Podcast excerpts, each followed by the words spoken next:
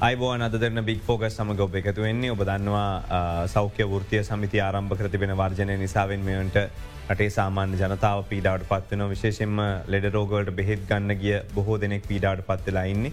ඉති මේ තත්ත්වයත් එක්ක සමහරු කියන මේ ක්‍රියාත්මක වෙනවා සාර්ථකයි තව සමහරුකි නොව සාර්ථකයි කියලා. සාර්ථක දසාර්ථකද මේ වෙලාවේ ඇත්ත තත්ව මොකද රෝහල්වල කියල දැනගන්න. අපි සේවේ නිරත කණ්ඩායමක් විදිරත් ඒකම සංගම් කීපයක් විදිරත් කියන දේවල් ඇත්ත නැත දැනගන්න අප ආරාධනා කර සිටිය අද සම්බන්ධ වෙන්න කියල වැඩසටහනට රජේ වෛද්‍ය නිර්ධාරන්ගේ සංසදය වෙනුවෙන් එහි සභපති වෛද්‍ය රුක්ෂන් බෙලන මහත්මට අයිබෝන්න බෝපිරිගන්න ඒවගේ අපිත් එක් සම්බන්ධ වෙනවා ශ්‍රී ලංකා ජාතික රෝහලේ ජාතික පුහුණු කිරීමේ නිලධාරණී පුෂ්පරම්යනි සොයිස මහත්මිය අයිබොන් ඔබතුමයක් පිරිගන්න අයිබෝවන් ජාතික රෝහල වැඩද? වැඩ දැඟතකට එවුණට කියන්නේ මේ උද්ඝෝෂණ සහර සටන් පාට විරෝත්තා මේ ඔක්කොමත් එක් අපි ඔයිස්කටයක් ගන්න ගහ මෙලින්න ජනතාව යෝ පීඩාවට පත්වෙනවා ඉන්නවා බෙහෙත් දෙන්නේ නෑ කියලා මොකක් දෙනම් වෙන්නේ. මෙමයි දැන් සෞඛ්‍ය ශේෂත්‍රය කියන්නේ වෘතින් හත්තලිහකට පණහකට වඩා වැඩි සංඛ්‍යාවක් ඉන්න ස්ථානයක්නේ. එතකොට ඒ ඒ එක එක සංඛ්‍යාවන් වල කාර්යභාරය එක එක විවිධයි. එතකොට ඒ ඒ කාර්ය මණ්ඩවල වෙනවෙනම කරන වෘතිය අරගලවලදී ඔවුන්ගේ සේවාවන් ජනතාවට ලැබෙන්නේ නැහැ. නමුත් හෙද කාර්ය මණ්ඩල වෛද්‍ය කාර්ය මණ්ඩලේ සෞඛ්‍ය සේවකයන් ඔවුන් සැම දෙනාම රෝහල්ල යෙදී සිටිමින් රෝගයාව රැකබලා ගැනීම නිර්ත වෙලා සිටිනවා. නමුත් දැන් අද උදෑසන ඉඳම මේගොල්ල කියන්නේ මේ වර්ජ නිරත කණ්ඩෑම් කියන්නේ සෞඛ්‍ය ශේෂත්‍රයට අදාළ හෙද පරිපූරක වෛද්‍ය සේවාව අතුරු වෛද්‍ය සේවාව මේ ඔක්කොමතක ෘතිය සමිති දහටක් මේ වර්ජනයට ගිහින් තිබෙනවා. විශාල පිරිසක් හින්දා මේක ක්‍රියාත්මක නැක කොච්චර විතර පිරිසත් දෙ කියන විදිහට? මෙහෙමයි. දැන් මම කතා කරන්න හෙද කර්මය ගැනනේ. දැන් ඔබ දන්නවා මේ රාජසවෙක් සත්හ සංගම ගැන කතාකරොත් අපි ඒ රෝහල් මට්ටම අපි විශ්ලේෂණය කරලා බැලුව අද වන විට. දැන් නසස්ල තිස්සට දහක් ඉන්නවානේ. වැඩිමුණුත් දෙදස් පන්සියක් පමණ මේ වර්ජනය නිරත ඇති. ඒකන් තිස්සර දහින් දෙදස් පන්සිත වර්ජනට බොහොවිට එහෙම තමයි අපි ඊය බලපු ගනම්ගල අපිට පැහැදිලි වෙන්නේ. එදකොට වැඩි සංකයක් අද රෝහල්ල සෙද සේවාව යෙදී සිට නමුත් අනිත්පූර්ති සංගම් ගැනම මං කතාකන මට අයිතියක් නැහැ. නවත් හෙද සංඛ්‍යාව අනිවාර්ම උම් පූර්ණ ධරිතාවෙන් තමාගේ රෝගය රැගෙන සිටන මේ කර පූර්ණ හෙදියන් මෙතන යෙදිල නැහැ කෙනකන මම අනිවාර්යම කිය සිටිනවා. මහිතන මේක ඉහාවට කියලා පරිපාලන ශේෂය නිලධාරියෙක් විදිර කටයුතු කරන්න ඔබතුම මේ සංසදයට අමතරව. තොට මම ඇත්තරම කොහොමද මේ සංයුතිය හැදිල තිය හෙ කාරමල එමනත මේ උත්සම දහටක් විතර මේ වර්ජනයට ගියක්වම් කොච්චර විතර පිරිසක් මේ ඉවත්වනවද පීඩාවට පත්වනවද කිය දැනගන්න පුළුවන්ද. ඇත්තටම වැඩවර්ජනයක් කරෝතින් වෛද්‍යවරු ඒක බේවින් බලපානවා ක්ෂේස්ත්‍රයට. ඒ වගේම හෙද නිලධාරි බෞතරය වැඩවජනයකරොත් රොහල්දුවන්න බැරිවෙරු. අපිට තියෙනවා එහෙම දුවන්න බැරි ශේස්ත්‍රයි දුවන්න පුළුවන් ශේස්ත්‍රයි. ඔය පරිපූරක වෛද්‍ය ෘතිකයන් කියන ශේස්ත්‍ර අපි ගත්තොත් ලැබ් එක අය. ECG ගන්න අය. බෙහෙත් අවෂධ නිකුත් කරන අය කියලන අපි මේ සැහල්ලු වචරලින් මං කියන්නේ. එතකොට මේ ගොල්ලගේ සේවය අවුත්සෝස් කරන්න පහසුවෙන් පුළුවන්. පහසුවෙන් පුළුවන් අවුත්සෝස් කරන්න. මේක අර හෙද නිලධාරෙන් වෛද්‍ය නිලධාරීම වගේ දවසකින් ඒක රිපලේස් කරන්න බෑනි. නමුත් මේක රිපලේස් කරන්න පුළුවන් තත්ත්වයක් තියෙනවා. එතකොට අපි ගත්තාම මේ දැන් ඔගොල කවුරුත් දන්නවා මේ මීට අවුරුදු ගණනාවකට පෙර රෝහල් කන්දස්සාරි හරක් බල්ලු හිටිය හණ්ඩුව මොකද කරේ. ගන්දස්සාරි කමයි අපිරිසිදු කමයි නැති කරන්න පුද්ගලිකාංශයට බාර දුන්නා රෝහල් පිරිසුදු කිරීමේ සේවය. පුද්ගලිකාංශය භාරගත්ත දවසින්දන් රෝහල් ඔගොල කවුරුත් ඇතුළට ගියුත් ඔයට නම් මතකත් නැත ඇති පොඩි ළමය නැති ඒ කාලේ දම් නමුත් එද්දා දෙදාය කාලේ ඉදම් අපි ගත්තාම නිරුහල් දැන් පිරිසිදුවේ. ගඳගන්න මැස්සෝඩ පිරිලා. නමුත් ඒ තත්ත්ව උදවුනේ පුද්ගලිකංචයට මේ සේවය භාරදුන්න නිසා. එතුර දවතුමා කියන්න මේ අනිකුත් සෘතිය සමිතුල ක්‍රියාකාරකම අවශ්‍ය නැහැ ඒ අයට පුළුවන් අයිකල මේ පෞද්ගලිකංශයට දෙන මේ රසායන කරසය ඔක්කම දෙන්න රජය කවතාක්වත් සෝඩ රජයන්නේ. සෝඩබෝතල් ක්‍රමයට ප්‍රැස්ටික එලියට පැන්නට පස්සේ ආයිත් මෙෝ අමතක. මම කියන්නේ මේක ස්තිරසාර විසුන්දුවක් කරා මගේ මතිපත්තිය අපේ ප්‍රතිපත්තිය තමයි පෞද්ගලි කරණය කරා යා යුතුයි. මේ සේවා සඳහා අනිවාරෙන්ම අපි ගත්තුත් මම මේ උදාරණයකෙන් හැම දිස්ත්‍රික්කයම සෙන්ට්‍රලයිස් ලැබෝට්‍රි එකත් දානු. ඒක රජයෙන් වෙන්න පුළුවන් රජයේ පාලනින් තොරව ප්‍රයිවට් පාලනින් නමුත් රජයේ සේවකයක් ඉන්න පුළුවන්. ඒගොලාව දාලා සෙන්ට්‍රලයිස් අපිතුම කොළඹ සෙන්ට්‍රල් ලැබෝට්‍රි එකත් දැම්මනම්. හොස්පිටල්ස් වලින් කරන්නේ මනාද සාම්පල් කලෙක්ෂන් ඇන් ට්‍රන්ස්පොටේෂන් විතරයි. කරලා අපි දැන් ටෙලි මිඩිසින්නේම තියෙන වකවානෝකන ඉන්නේ. තෝට මේකේ අනිත්තක අද ලැබ්වල ගොඩක් ලැබ්බිතරන්නේ වෙනත් අංශවල ඔටෝමේෂන් කියන එක හරියට භාවිතාවට දෙයක්. තොර මේ රට ඔටෝමේෂන් වලට ගියාන ලැබෝට්‍රීසයින් අද ඒරියස් එතකොට අනිවාරයෙන්ම මේ සේවය අවශ්‍ය වෙන්නේ. ප්‍රයිවට් අංශයට බාර දුන්න නම් මීට වඩා රෝගින්ගේ පැත්තෙන් අපිට සහනයක් බලාපොරත්තුවෙන්ට පුළුවන්. නමුද මේකේ ඉක්මට ඒ තීන්දුව ගන්න බැනව ප්‍රතිපත්ති තීන්දුව ඉදිර ගන්න ඕන දෙවල්න්නේ මහන්නේ දැන් මේ අය එතකොට මේ අය ඇතරම දැන් සාමාන්‍යයෙන් රසායනගාර ශිල්පියෙක් වේවා. වික්‍රණ ශිල්පයෙක් වේවා. දැ මේ අය ලබාදෙන වාර්තා මේ සියල්ල පදනම් කරගෙනනේ ඔබතුමල්ල ඇතුළු කණ්ඩායමට අවසානයේ ඔහුගේ හෝ ඒ අදාළ රෝගය ඉන්න තත්වය සම්බන්ධය නිරීක්ෂණයකට තීරණයකට එන්න වෙන්නේ. එතකොට දැන් ඇත්තටම ඔබතුමල අසා මේක හිරවෙන්නේ නෑ කියලා කිව්වට පද්ධතිය මේ කොල්ලන්ගේ රිපෝට් එන්නේ නෑ කියලා කියන්නේ. අනිවර හිරවීමක් වෙන එතනින් එහ යන්න බෑන ඒකට හේතුව මෙවැනි වැඩවත් ජනයක් එනවා කියලා මාස ගානක් පුරාවටම අපි දැනන් හිටියා. දැනන් හිටිය නමුත් රජ ලෑස්ති උන්නෑනේ එකට විකල්ප කරම එතන් රජයට දොස් කියන්න ඕනි. නමුත් අපි මේක වෙලා තියෙන්නේ ෘතිය සමිති යම්කිසි මාෆියායකක්නේ මේ ගෙනියන්නේ මේ රටේ සෞඛ්‍ය හරි ඒ අනිවාරෙන්ම දේශපාලන පසුබිමකුත් මේ වගේ තියෙනවා. තකොට මම කියන්නේ මේක දැනන් ඉන්ඩෝනි. තොර මේකේ අද වනත් හෙට වනත් පෞද්ගලිකාංශයට එක්ස්ට්‍රේට්ටිකයි ලැබ් දෙස්ටිකයි ඉක්මට ඒසිජටිකයි කරන වැඩ පිළිවෙලක් තම අදටවත් දාලනෑන් හරිද? මේක ඉක්මට දැන් අදරත් තිය ඔසු සලෙන් ගිල බේත් ගන්න කිවට ඔසු සලේ ඉන්නවා පෝලිම පැතුන හතරක. ඒවට ටක්ගල විසඳුම් දාන්න නයෝනි හරිද? ඒ දැම්ම හම අපි තේරුම් ගන්න ඕනේ මේ ප්‍රශ්නයට ලොකු හැටලොක්කෙත් නෑ කියන එක. මේක මේ වෛද්‍යවරුන් නෙමේනි ස්ටයික් කරන්න. මේක ස්ටයික් කරන හෙදකාරය මණ්ඩලත් මේ හෙදකාරය මඩේ ඔන්න සයට පාක්කිතර ස්ටයික් කරනවා ඇති ඒම. නමුත් මේක ඒ සෙසු අංශ මගේ මතය නම් දැන්මත් මේකේ පාඩමක් ඉගෙන ගන්න. පාඩමක් ඉගන මේකල එහම විරෝත්ත දක්වන්න ගියොත් හෙට දවස සෞඛ්‍ය ශේෂ ඔක්කොම් පද්ධති අඩාලකන්න අපේ රස්ස නැති කරන ඔක්කොම කියල මෙතන විරෝධතා දක්වලා මේ රෝහල් ඔක්කොමටික ඒව කරන්න පුළුවන් හැකියාව ඇතිවෙලා තියෙන්නේ රජයේ ප්‍රතිචාරවල දිරුවලකම් නිසාම්. රජය මීත වඩා සංවිධානාත්මක ප්‍රතිචාර දැන් ඔතන ඉල්ලීම් වගයක් කියල තියෙනවා මේ ඉල්ලීම් දාලා තියෙන හරි සූක්ෂම විදියට. ඒක ඇන ඉල්ලීම් හතක් හරි අටක් හරි තියෙනවනම් ඒ අට ඔක්කෝම ජාති කවර වෙන විදිර දාලතියෙන්. හරිද එක හරි කට්ට වැඩක් සමහර ඉල්ලිම් දෙන්නම බෑ උදාහරණයක් වශයෙන් සෞඛ්‍ය පරිපාලන සේවයක් ඇති කරන්න කියලා. ඒක මේ අවුදු ගානක් සියලුම සේවකයන් එක්ක සියලුම ශේෂත්‍ර එක්ක සාකච්ඡා කරල කරන්න ඕන මිසක් මේ තනිමුත්තිය සමති කීපයක් එකතු වෙලා ඉල්ලන් දෙයක් කරන්න බෑ එතුර මේ සංගුත්ත සේවක් කිරීම සම්බන්ධය නොත්ත ඔබතුමාගේ අදහසමකද මේ ගැන සංගුත්ත සේවාකෝ මිනි ලංකාවම සංගෝර්ත කර කර ගිල්ල අන්තිවන මේක සංගෘර්ත ශ්‍රී ලංකාවක් වේ. ඒම ශ්‍රී ලංකා සංගෘත්ත කරන ඔක්කොම විශේෂ විශේෂ විශේෂ විශේෂ කෙලින්ම හැම දෙයක්ම විශේෂ විශේෂ. පිස්සුනේ මේ ෘත්තිය සමති මානසිකත්වයක් තියෙන මන්ද මානසික මිනිසුන්ම ගිල්ල දැම්හෙමනේ තමන්ගේ සාමර්ධිකට කියලා කියද අපි සම්මුර්ත සේවයක් කරගන්න අපි නික පඩි වැඩි කරගන හොඳ කාරොල යන්න පුච්ච ඇති කරගන්න කියලා නිකම් බොරු චිත්‍රයක් මවා දුන්නාම ඒකොල හිතර එම තමයි සංගෘත මේකදී පැහැදිලිව කියන්න ඕනේ සංවෘර්ත කියන වචනේ මෙකොලා හිතනවා සුරපුරයක් වෙනවා කියලා. සංවෘර්ත කරා කියල ප්‍රශ්න මේව වෙන්න අත්ත තව විවෘත වෙනවා. සංවෘර්ත සේවයක් කරලා විවෘත ප්‍රශ්න ඇති කරගන්න. එනිසා මෙතන කරන්න ඕනේ මේ කියන වැටුප් විෂමතා. ඔය කල්පනා කරලා බලන්න වැටුප් විෂමතා කියනේවා ඉදස් නමසේ නිදහසෙන් පස අවුදු හැත්තා තරක්ම නිර්මාණය වෙලා තියෙන්නේ වැටුප් විෂමතා තමයි. වාහිතනොද මේ අවුරුදු දෙකට මේ ඇතිවෙච්ච විෂමතාවයක් කිය. එතකොට අපි පහුගේ මීට පෙර වසරවල මේ පශුතිපනා තිබෙ නැද්ද. අපි අහන්න ඕන සාධාරණ ප්‍රශ්න ඇත්තියනවා.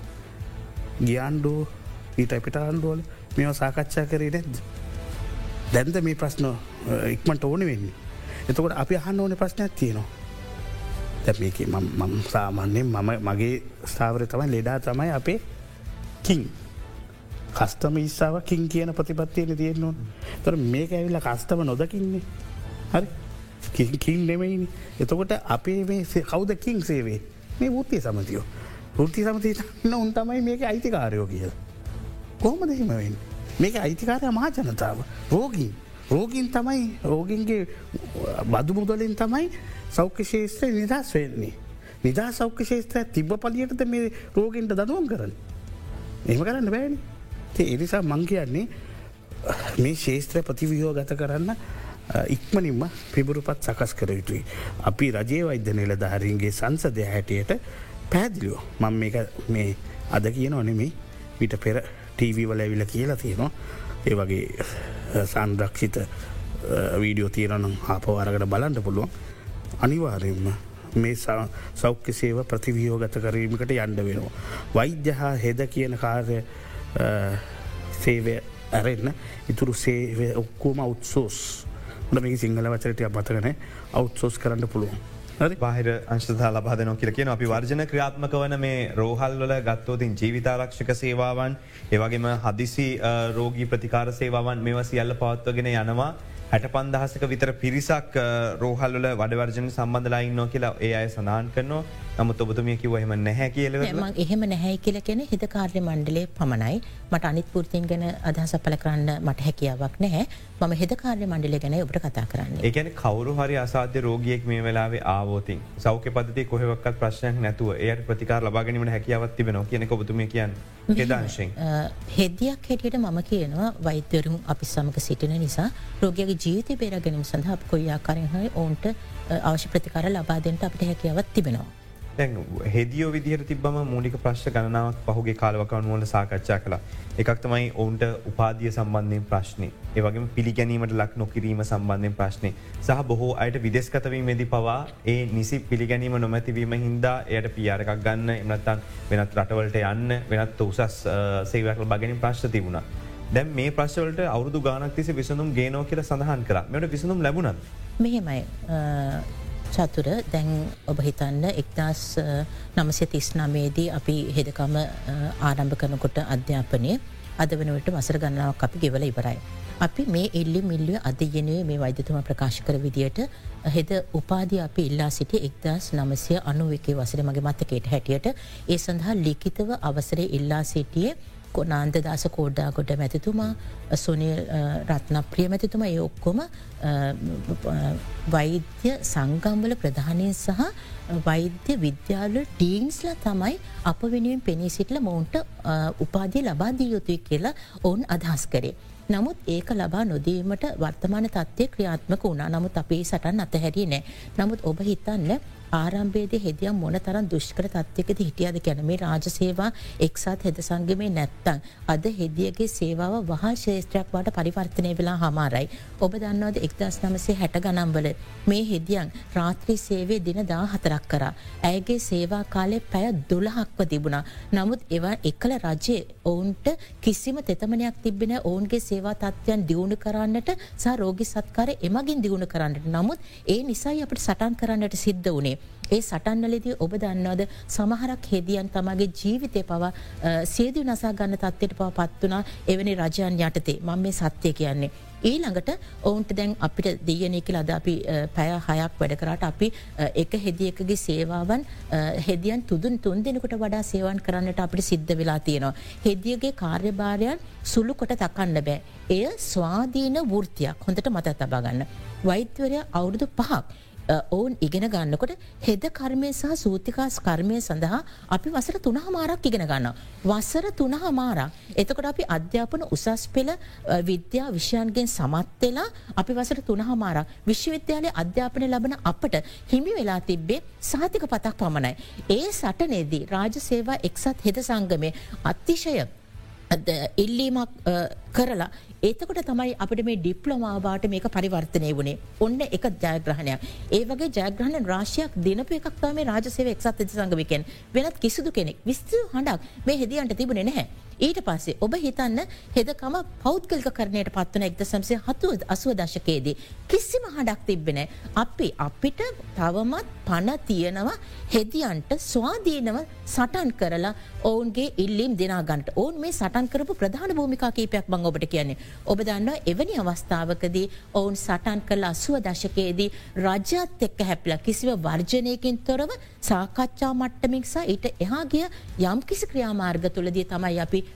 පෞද්ගලික කරණයට එරෙහිව මේ හෙදකම අපි සුරක්ෂිත කරගත්තේ.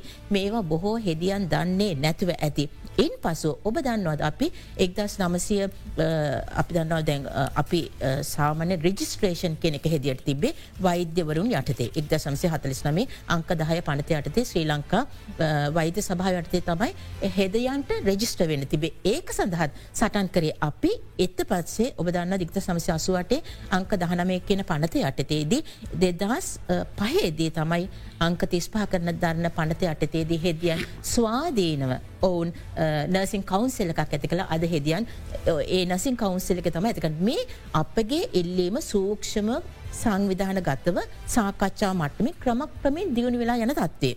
නමුත් උපාදිය කෙන අපට අවශ්‍යයි. නමුත් වර්තමාන ජනතපතුමාට සහතික වෙලා තියෙනවා.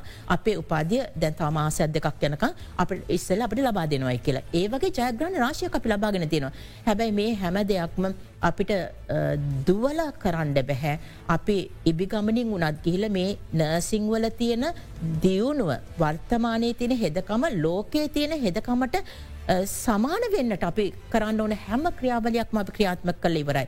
යම් යම් අඩුපාටු නොතියනවා නොවේ. නමුත් ඒවාද ලෙඩාගේ ජීවිතය හිර කරලා. අපේ ඉල්ලිම් දිනාගන්නට අපි සූදාන අපි සදා ප්‍රතිපත්තියෙන් තියෙනවා. හෙදියකට අවශ්‍ය ප්‍රතිපත්ති මේ ප්‍රතිපත්තිවල මූලන මේ වර්ජනවලට යන්න නැතු ඊට මෙහැම එක බේරගන්න ඕන කියන කතාව ඔබතුමයගේ. මෙහෙමයි. දැන් මම හෙදියක් හැටියට අපි කවදත් අපි යම් කිසි ස්ට්‍රයික් එකක් කරනම් පසුගිය කාලයේදී එක දවසක සුරයිකයක් කර. නමුත දන්න ඇතු ඇති හෙදියන් ඔක්කො ඩියට බැස්සයි කියල කිව්වට අපි සිවිල් ඇඳමෙන් සෑම රෝගික්ම ළඟ ඒ හෙදියන් සිටිය හොඟක් අයි ඕව වර්තා කරන නමුත් හෙදිය හැමතිස්සම ඉන්නේ රෝගයාගේ යටතේ. මට මොහොතක් දෙන්න වෛද්‍ය රක්ෂන් වෙල්ල මහත්ම දැ මේක ඊයේ දැ වෛද්‍යවරුන්ගේ පැත්තෙන් ගත්තම ඊය මාධ්‍යහමු කිහිපයක් තිබුණා.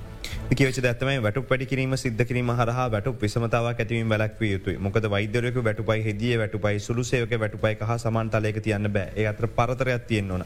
ඒ සහ මේට වැටු කොමසම දිලතින සූත්‍රයගේ සූත්‍රයන් ොතම වැටු පැඩිවීම වියයුත්තේ ති ගැටලුකාරී තත්ත්වයන් ඇතිවෙනන්නේ මෙන්න මේ තත්ත්වයන් කඩ කරහම කියලා. ඇත්තට මේ සූත්‍රය හදපු විදිහ ගැන ඔබතුමලගේ සංසදයක් විදිර ඔබතුමල මොකද මේක හිතන්න මේකනිකන් දේවවාදී හෙමනත්තම් මේ බමුණු කුලයක් විදිහට වෛද්‍යරුන් ඔබතුමල්ලා කණ්ඩාම ඉන්න ඕනද හෙදියට එහා සමාන්තන නැද ඔබේ අදහස මොකද මේ ගැන. ඇත්තටම කියනවා නම් මේ අවස්ථාවේ රාජ්‍යසේවේ උපරිම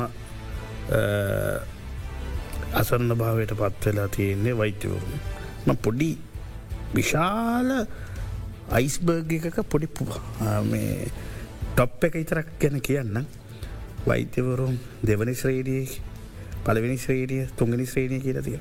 තුන්ගනි ශ්‍රේණය වෛද්‍යවරයෙක් දෙවනි ශ්‍රේණියයට උසස් වෙනකොට. වැටු පර්දගේ වැඩිවීම වැල ඔයගින් ඇහුවොත්. කියකින්ද කියලා රුපියල් පායි.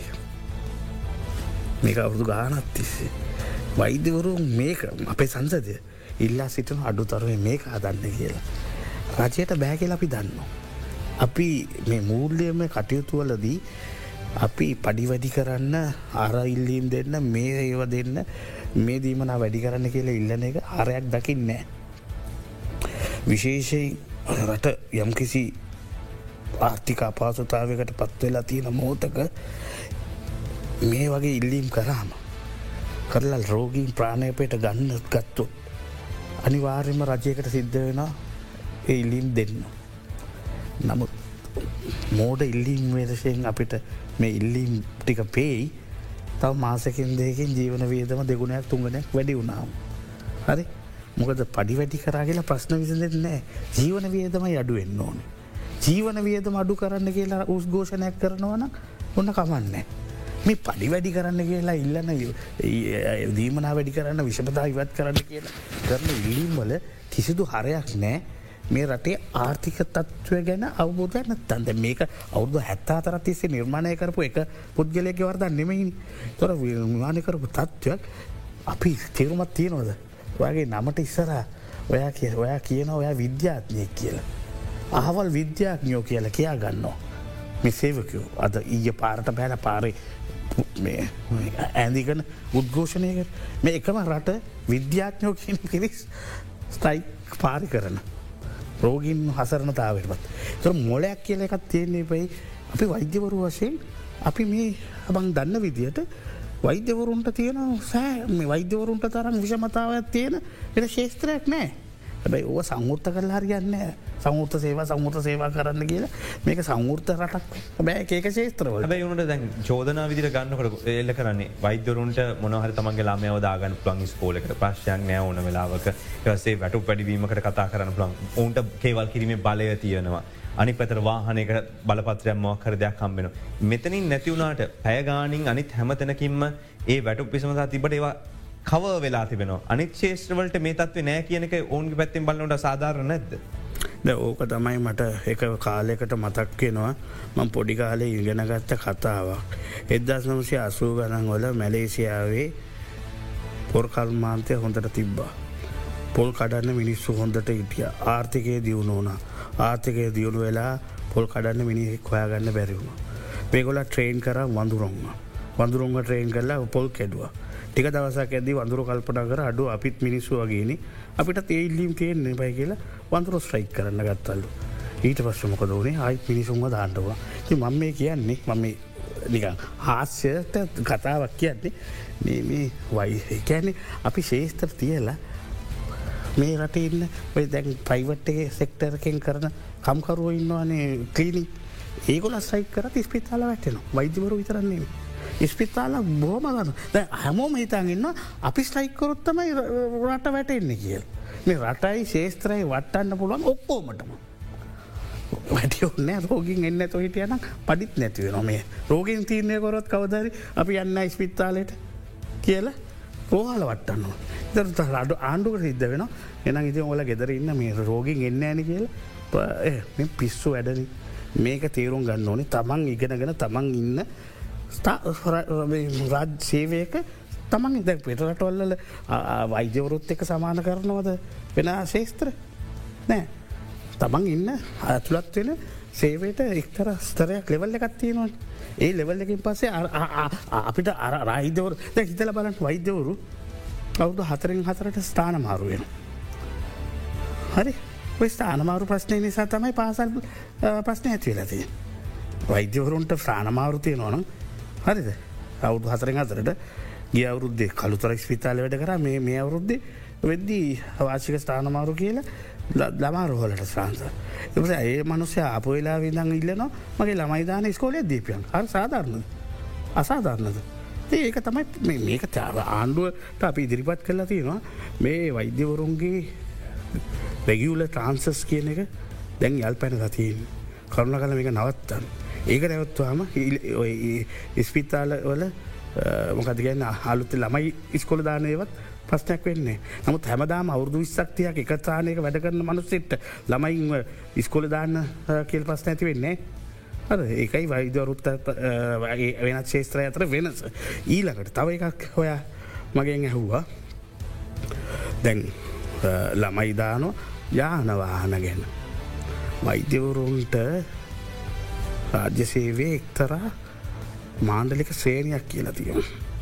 හරි මූලාරම්භක වෛද්‍යවරෙක් ලංකාවේ රාජකාරය කරන්නේ ඒස්පි කෙනෙක්ගේ පොලිසිය මට්ටමින්.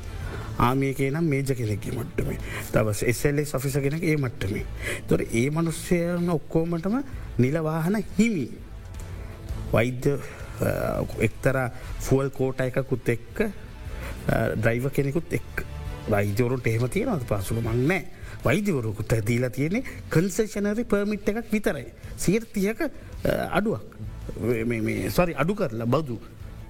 මම වෛද්‍යවරෙන්න්න මම ඉල්ලන්නේ ඩයිවයි මගේ කාරකයි දීපන් පොල්කට කෝටයිකත් එක්ක කියල් මේ වෛද්‍යවරු කරලා තිය ඒකොලක අතින් කාරම් පදිනවා. මේ පර්මිට් කියල දෙන්නේ මේ මෙන බොරු සියට තියක කන්සේෂන් එක හැත්ත ගනන් හොලනම් අසු ගණන් වලන වෛද්‍යවලට 100 ඩියටිෆ්‍රී හම්බෙලා තියනවා. නමුත් දැන්හෙමන හිත ඒක දැන් මංවායට පැදිලි කරි. රාජ්‍ය සේවේ ස්තරයක් තියෙනවන් ස්තරයක්. ඒ සරයක ලැබෙන වෛදවරු ලැබෙනවා කියලා අපිට ලැබෙන්න කියලා කියල් හරියනොස් අරමට මැලේසිය කතාවතයි මතක් හැපි කෙටි විරාමිකට යොමලායි නම අද දෙරන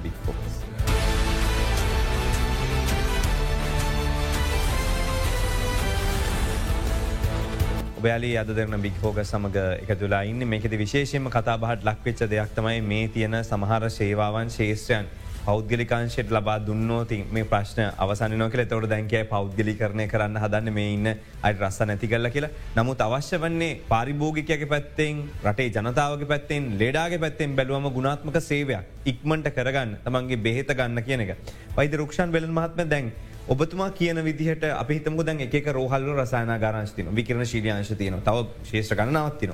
මේවට පහසුකම්දීලා ඒ රෝවල් වර්ධනය කරනවා වෙනුවට වෙනම දුන්නෝතින්. මේක ද්‍රෝගියකුට යන කොස්ට එක කොච්චරක් විතරන එක අඩුවෙනවද වැඩි වෙනවද. මේ වෙද්දී අධ්‍යන කරලා තියෙනවා කොස්ට් කොස්ට අධ්‍යන නැත කොස්ටඩිස්. ඒ වගේ පැහැදිලිව ඔප්පු වෙලා තියෙන කරුණු තමයි පුද්ගලිකංශයට ඇරලා. ලේ අපිට නිකම් ෆුල් බ්ලක් කවට්ටයක් නැත යුරින් ෆුල් රිපෝට්ට කරලා යන ඒකකයකට විදිදම ආණ්ඩු ස්පිතාලය කරද්දි තුංගුණයක් වැඩි. හරි? ඔය හයි කෝමද කියලා. ඔය දන්නවාද? ඔය ප්‍රධාන රුපෙලේ රෝහල්තීන් ශීක්ෂණ රෝහල් කියලා කොළඹ. ඔබතුමාගේ රෝහල කියමුක හරින්න මම පුටුත් නෑ මේ සේවකැන්ට ඉදගන්න රාජකාරී එච්චට සේවකයෝ අනුයුක්ත කල්ලා. හරි ඒ හැම සේවකෙක්නම අතිකාල දීමනා ඇතුළු දීමනා උපරිමයට ගන්නවා. ඒ ඒකක නඩත්තු කරන්න ඒ සිදාලා. පුට්ටු මේස සහ ඒගොලට වහල් සේවයකට වගේ අතට පයට ඕනේ කම්කරු නැත්තන් සහයක සෞඛ්‍ය සහයක අය ඕනි. ඊළඟට ඕනේ මේ දැ මේ ඔටෝමේට සිිස්ටම්ස් තිබ්බට කලේම්ස් එන්න බෑනි හරි එතකොට තිහබේ මේවට නැව මේ කලේම්ස් ගන්නවා ඒසින එක ඔටෝමේට ෆුඩ හැබැයි අහවල් අපිත් කියලා ගන්නවා. ඊළඟට මේ ඔක්කෝම කොස්ට එක ඇනලයිස් කරාම අනේ ප්‍රයිවට් එකට ගිල්ලා අහුප ආරසය පන්සියක් දීල කරගන්න හුල් බ්ලඩ් කවුන්් එක රජයට විශාල ලාභයක්. හරිද. එතකොට මේ අපි විශාල මුදලක් රජය විසින් ඉන්වෙස් කරලා. තියාගන්න හෙන බරක්. මේ බර පැත් කතාවට සාකච්ඡාවට බඳුන් කොරොත් ඔය ඉල්ලන අසාධාරණ වැටු පර්ථකයව අඩු කරන්න වෙන. එහ ගුණාත්මක සේවයක් ඉක්මට ලබා දෙන්න පුල රිපෝට් ඔක්කම දෙන්න පුල මේ වගේ දෙවලට කියන කියන ඒ කියන්නේ මගේ මත ඇතියන්නේ මන්දන්න අපෙන් සාමාන්‍යෙන් රජය අදහස් විමසන්නෑ ඒ රජය ප්‍රශ්නයක් අපේ නැහුවත් අපි කියන්නේ මේ සෙන්ට්‍රලයිස් ලබොට්‍රි සිිටම් ඇති කරන්න ඕන හැම ඩිස්ට්‍රික් එකීම. හොස්පිටල් සොල තියෙන ඕනේ සාම්පල් කලෙක්ෂන් සෙන්ටර්ස් විතරයි. එම ඒවා ඇරලා එක හොලා ගුණාත්මක සවිස් අනිවාර්මික ප්‍රයිවට් සෙක්ට එකෙන් කරන්න ඕන. මොකද? එකන අරගොල්ල එකෙන් දැන් එතනම වැඩ කරන ඇතම සමහට පෞද්ගලිකංශේ රහල්ල වැඩ ඒකට පුරදුවෙන කියලබතුම අනිවාර මේ රැකයා ටිකත් මංහිතන්නේ අපි එක රජයන් අනුගමනය කරන ක්‍රමවේද තියෙනවා ලෝකේ විශ්‍රාමයන් අනිවාර්යම යවල හොද කම්පන්සේෂන එකත් දීලා ඕගල තැංකව කරන සේවට කරපු සේවට නමුත් අපි දැන් අදීන් පස්සේ මේක මේමයි කරන්න මේකොල මුළු රටපුරාම ස්ටයික් කරන්න ඉඩ තියෙනවා. ඒකට විකල්පය හොයාගෙන තමයි ඒ ක්‍රමයට අන්ඩෝනේ. නමුත් අපි හිතනවා මේ හැකික් වනින් මේ අයකක විවිධ ඇයි ඉතින් රජය රජයට පුළුවන් වුණා නං ඉදදා සමසය අනුගණන්වල කෙලවර කලීනිින් සවිස් එක පෞද්ගලික කරණය කරන්න. ඒකෙන් සාර්ථක ප්‍රතිඵල ලබන්න. ඇයි බැරි ඉතුරු ශේෂත්‍ර ගැන කල්පනා කරන්න. හරිද මං මේ ගැන්නේ මෙහෙමයි සතුර. ඕනෑම රටක රෝගයා මෙච්චර දුක්කිඳන්න බෑ. අනිවාරය. හරි අපේ රටේ දුක්කිඳ තරම් බල මොකද සල්ලිත් දෙන්නේ ගොලා මේ නටත්තු කරන්න ස්විතාල ඒගොලගේ මුදල් යන්න අන්තිම යාලටමයි මේ ප්‍රශ්න මේ ගොල ගාන්නේ කොහෙවත් දැන් හිතන්නකෝ මේ මේ ඔයා නිකන් කල්පනා කරන තුර මාව ඔයාට පේනුවනම් කිසියම් හෝ දේශපාලන පක්ෂක ආර්යාලයක තනතුරත් දරනවා. ඒ දරාගන ඔය ෘතිය සමිතියකෙත් නායකය වෙලා බැහැපි එලියට කියනවා නම් අපේ සේවකයන්ට තන වකරි ප්‍රශ්නැතිය නොනේද. ඔය දැක්කද පෞගේ මාසේ මේ රටේ හිටපු සෞඛ්‍ය ෘතිය සමිතියක සෞඛ්‍ය සහයකවරුන්ගේ සංගමයක ප්‍රධානයක් ශ්‍රී ලංකා නිදස් පක්ෂේ දිස්ත්‍රික් සංවිධායක වුණා. මොකද වේකින් අපට ලැබෙන පණවිඩේ. දැන් අපි කියන්නේ කියන් දේශපාලන පක්ෂට කඩයන්න කියනක නේ අවස්ථාව. කඩේ යනවා ඔබතුමාට චෝදනාව කියල කරන කාලත්ති දැන් ඔබතුමාට ඒ චෝදනාව දැන්න දෙතට හිට ඔත්තන හොඳ උත්තරයක් දෙන්න මෝනේ අපේ සංසදය තියෙනවානේ. සංසදයේ ප්‍රතිපත්තිය තමයි ඉන්න ඕනෑම ඇමතිවරයෙක් එක්ක රජයේ සුහදශීලියෝ නම්මශීලිව සහයෝගීතාවෙන් වැඩ කරන්න ඕනේ. ඒ අපේ ප්‍රතිපත්තිය. හරි? එතකොට අපිට අදාලනෑ කවුද රජය කියන එක. ඒකට වෙන්න ඕන්. හරි. දැන් කවරුත් ඔය ගිය රජය ගැන මට ඇගිල දික්කරට ඒට එපිට රජයේ මං හිටව ඒ රජත් එක්කත් මේ සුවදශීලිව හිටිය කියන එක අමතක අමතක වුණ. නිමල් සිරිපාද සිල්ල ගැන මගේ හොඳම විතුරෙක් කියන එක අමතක් කල් හැබයි ඒකාරටිකක් මට ගැව නිමල් සිරිපාලගේ ගොට්ට කියලා. හැබයි ඊට පසේ රාජතක ගොට්ට වුණ. දැන් අද කිය ඉදන්න මේ හන්ඩ ගොට් ඒකන මිනිස්සුන්ට තේරුම් ගන්නවා. ෘතිය සමති වෘතිකයන් වශයෙන් ෘතිය සමිති කරන්නේ දේශපාලනය කරන්න නෙමේ. හැබැයි අපි හැමතිස්සම ඉන්න ඕනේ පෞතිනා රජත් එක්ක සෝදශීලීව මිත්‍රශීලීව විශ්ව අන්‍යෝන්න විශ්වාසය මත පදනං වෙච්ච වින්වින් කියන 50 වින්ස් ක්‍රියට් කරගන්න. මේක කොේද මේක හවසට දේශපාලන පක්ෂයක් ඇතුළේ උදේට පාරි uh, වැඩවර්ජනය කරන මේ පුළුවන්ත කර කරුණ කල මේවට නීති සකස් වෙන්නවා. අපි කෙටි විරාමකට අලිත්‍යම වෙලා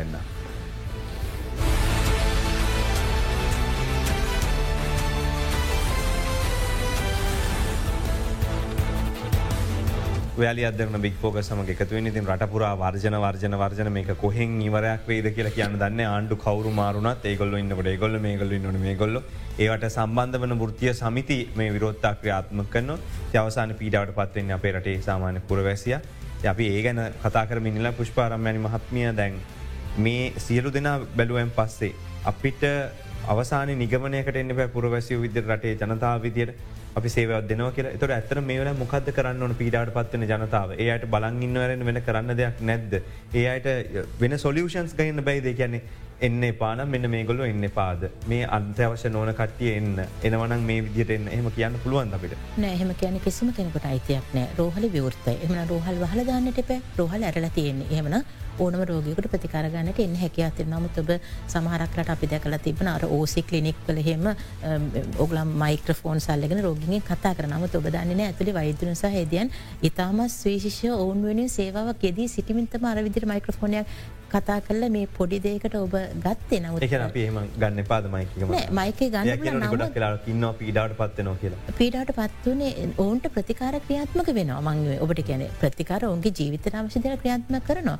මොකද ඔව තේරුම් ගන්ට හෙදකම කියලට කියන ස්වාධීන වෘතියක්නේ මේ ස්වාධීන ෘතිය වගේම අනිත් ෘතින් අතරත් ඔවුන්ටත් අනන්‍යතාවත්වන ඔන්ටත් ගරු කරන්නටෝනි නමුත් අපි ජීවත්වන තල තියෙන මුළු රජයේ ප්‍රතිපත්තිමේ තීන්දුවක් තියෙන්න්නට ඕනේ. එක්ෙක් ෘතියෙන් සිටින තල හොඳින් හඳුනාගෙන ඔවුන්ට සේවන් සැපීම පහසුකන් ලබාදිව නමුත්ම සාමන ජනතාවට කියන්නේ පලවනි දේ තමයි උත්පත්තින මරණය දර කරා යන මේ ගමනේදී ඔබේ නිරෝගකම රැකගන්න පලවනද ඒ රැකගන්න ඔබට සල්ලි විදම් වෙන්න නෑන ඔබ හොඳ යහපත් ආහාරගෙන හොඳ මානසික චිත්ත මේකතියාගෙන අධ්‍යාත්මය හොඳ තබාගෙන තමාගේ සෞඛ්‍ය රැකගන්න හැක අතන ඔබ රෝහල් ගත වෙන්න නෑ පලවනදී. දෙවනදේ හදිසිත් රෝහල් ගතුරත් ඔබ එන්න බයිවෙන්න එපා. වෛදන සහේදයන් ඔබ වෙනුවෙන් සේවාවක් එදී සිටිනවා. ඉතිං චතුර එහෙම තමයි කියන්න වෙන්නේ. මම කල්පනා කර දැන් මේ ක්‍රියාත්මක වන දේවල් සම්බන්ධයෙන් බොහෝ අය විධ අදහස් පලකරාට අද ඇත්තරම ගත්තොත් ඒවගේ සේවාවන් ක්‍රියාත්ම කරනවා කියලතමයි පුෂ්ප රම්මෑනි මහත්මියත් සඳහන් කළේ දැන් ඊයේ වනකොට කියපු දේවල් එක්ක බැලුවම අපිට පේන තියන දේ තමයි රෝහල්ල මේ වැඩසටහන් ක්‍රියාත්මක වෙනවා නමුත් සමහලට මාධ්‍යතුර අපි කණ්ඩෑම් ගිහිල්ලත් මේ වැරදි චිත්‍රයම වනෝ කියනක. ඔබතුමාට තවසාන වශයෙන් වෛත්තුමන ඔබතුමාට තවස්ථාව ලබා දෙන්නේ මේ මොකක්ද මේ වෙලාි කරන්න ඕන සහ රෝගිංගි පැත්තෙන් කරන්න ඕන සහ සෞඛ්‍ය සේවක යොමන වගේ තැනක දෙන්න ඕන. ඇත්තරම කියනටම් මට තියෙන්නේ රෝගීන්ට වඩා රෝගින්ගේ යහපත වෙනුවෙන් වැඩවජනය කරන්න එපා කියන ඉල්ලීම කරන්න එක හැරුණම් මං සෞඛ්‍ය සේවකයන්ගෙන් කියා සිටින්නේ ඇස් අරල කන් ඇරල බලන්න මොකක්ද මේ වෙන්න කියලා. වෛද්‍යවරු කාලයක් වැඩවචනය කරනවා කාලයක් තව කට්ටිය වැඩවචනය. අවසානයේ මේක කෙලවර කොහේද කෞුද දුක්විලීන්නේ. කෞුද ඔයාලට කන්න බොන්න පඩි නඩිගෙවන්නේ. හරි ඒ නිසා මේක තීරුම් අරගෙන අපි ඔත්තිී අරගල කරනවා නම් ඒ ෘතිය ගරුත්වයක් රැකගෙන අරගල කරන්න ඕනේ මේක පැහැදිලිව අපි දකිනවා. මේ දැන් තියෙන සෞඛ්‍ය ඔතිය සමිති. නිකන් දේශපාල න්‍යාය පත්‍ර වලට අනුව ගිහිල්ල සමාරය ජාතිකල ස්තෝලින් පාර්ලිමෙන්තු යනවා. සමාරය දිස්ත්‍රික් සංවිධායකකම් ගන්නවා. තවත් සමාරය එකක සෞඛ්‍ය ලේකම් දූර ඉල්ලගෙන යනවා පස්සේ. හරි මික ලබුන්න තුනා වර්ජනව නේවනම් වැඩරජනය කාමර ඉල්ලන් යන ඕ ඉතින් මේක ඕගල තේරුම් ගන්න ෘත්ති පුෂ්ප රම්බද සොයිස කිව්ව වගේ මීට කාලාන්තරකට පෙර ඔය තිබ්බ සේවයන් ගොඩක් ඒවා හෙද හෙද සේවය වගේම තිබ්බේ අම්ගිසි වහල් සේවක මට්ටමකට. ඒවා විශාල වශයෙන් අද ඒගොලා කඩා බිඳගෙන ගෞරවාන්විත තත්වකටාව. දැන් ඉතින් හැසිරීමත් ගෞරවාන්විත වෙන්න ඕන්නේ. මං හිතනවා අපේ පූජ්‍ය මෘත්‍යට්ටුවේ ආනන්ද ස්වාමීන් වහන්සේ කියන්නේ අපේ සංගමයත් අනුශාසක. හරි එතකොට උන්වහන්සේ අපි මගේ තියෙන මෙච්චරයි. අපි රජයන් එක්ක කතාබා කරන්න. කඩෙත් යන්න පුළුවන්. හැබැ බඩු ගේන්නවා. තකොට කඩේ ගිල්ල බඩු ගේන්න නම් ඒ රජත් එක්ක විශ්වාසයෙන් ඉන්නවා. මම රාජිත සේනාරත්න කියන සෞඛ්‍යමතිවර ඇත් එක්ක සුහදව හිටිය නම් අපි ඒ සුහදත්වය පාවිච්ච කරන්න ඕනේ සංගමය සුගතියකට. ඒ වගේම තමයි දැන් අපි කියනවන අපි මේ රජ ඊළඟට ආණ්ඩුත් එක්කත් අපි හොඳින් ඉන්න. මේ සෞඛ්‍ය සේවකයෝ දේශපාලනය කරලා ෘතියත් කාදාමාලා රටත් කාදමල අවසානයේ රෝගයට ඉක්කෙල කරලා තියෙන. මේක ති මේක කරුණා කළ නවත්තල බුද්ධියෙන් විද්‍යාත්ඥෝ කියාගෙන නමට ඉසරයින් අපි අහවල් ශේත්‍රයේ විද්‍යා බුදු මේ නමටත් කැතයි. විද්‍යාත්ඥෝ කියලා නමදාගෙන තාක්ෂණ ශිල්පීන් අවසානය හැසිරෙද්දි පාරි බිම ඉඳගෙන පිකටින් කර කර. මොකක්ද බුද්ධි මේ සාකච්ඡාවකට යන්න ඕනි. බුද්ධි මේ සාකච්ඡාවක් කරන්න මොකක්ද බාධකය වෙලති. දේශපාලනය. හොඳයි ඔය මට කියන්න. කව්හරි කිව්වොත් මම දබිනිකං උදාහනක ජේවිපිය එක පත් පිටි පස්ස ඉන්න කෙනෙක් කිය මේ ආණ්ඩුවත් එක කියල සාකච්ඡා කර ආණ්ඩුවට පිස්සුත මගේ ඉල්ලින් දෙන්න. ඇයිම දේශපාලනයක් ගාව ගන්නේ. මම ඉන්න ඕනේ ප්‍රසිද්ධේ කොයි ආණ්ඩුවත් එක්කත් අද බාලු තම්පොලා වගේ ඉස්සර හිටපු හොඳ ඌතිය සමිකාරය ශානියම දේශපාලනයෝ හැම පක්ෂයකෙම ගරු කොරපු ෘති සමිතිනායකයෝ. ඒගොල වගේ ඉදලා මේක ජයක්‍රාණය කරන්න.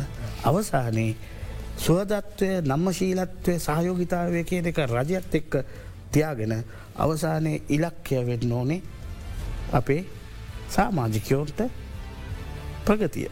නැත්තත් හොඳක්. ද මගෙන් අහන්ඩ ඇයි වෛද්‍යවරුන්ට කරන්න බයිද එක කියලා? මං එක් කරනවා. හැබැ අපේ සාමාජිකීන්නේ දෙදාකට අඩු සංඛ්‍යාවක්. ඒ නිසා අපිට තාම අපි ඕක තුන්දාර්ථක් කුච්ච ගමන් අපිට විශාල බලයක් ලැබෙනවා. නමුත් අපි තාම අපේ ඉන්න කුඩා සාමාජිකත්වයට හැමදේම කල්ලගෙන. ළම ස්කොල දාන ප්‍රස්ථ එක එක ආවම අපි ඒවට මැදිහත්ව.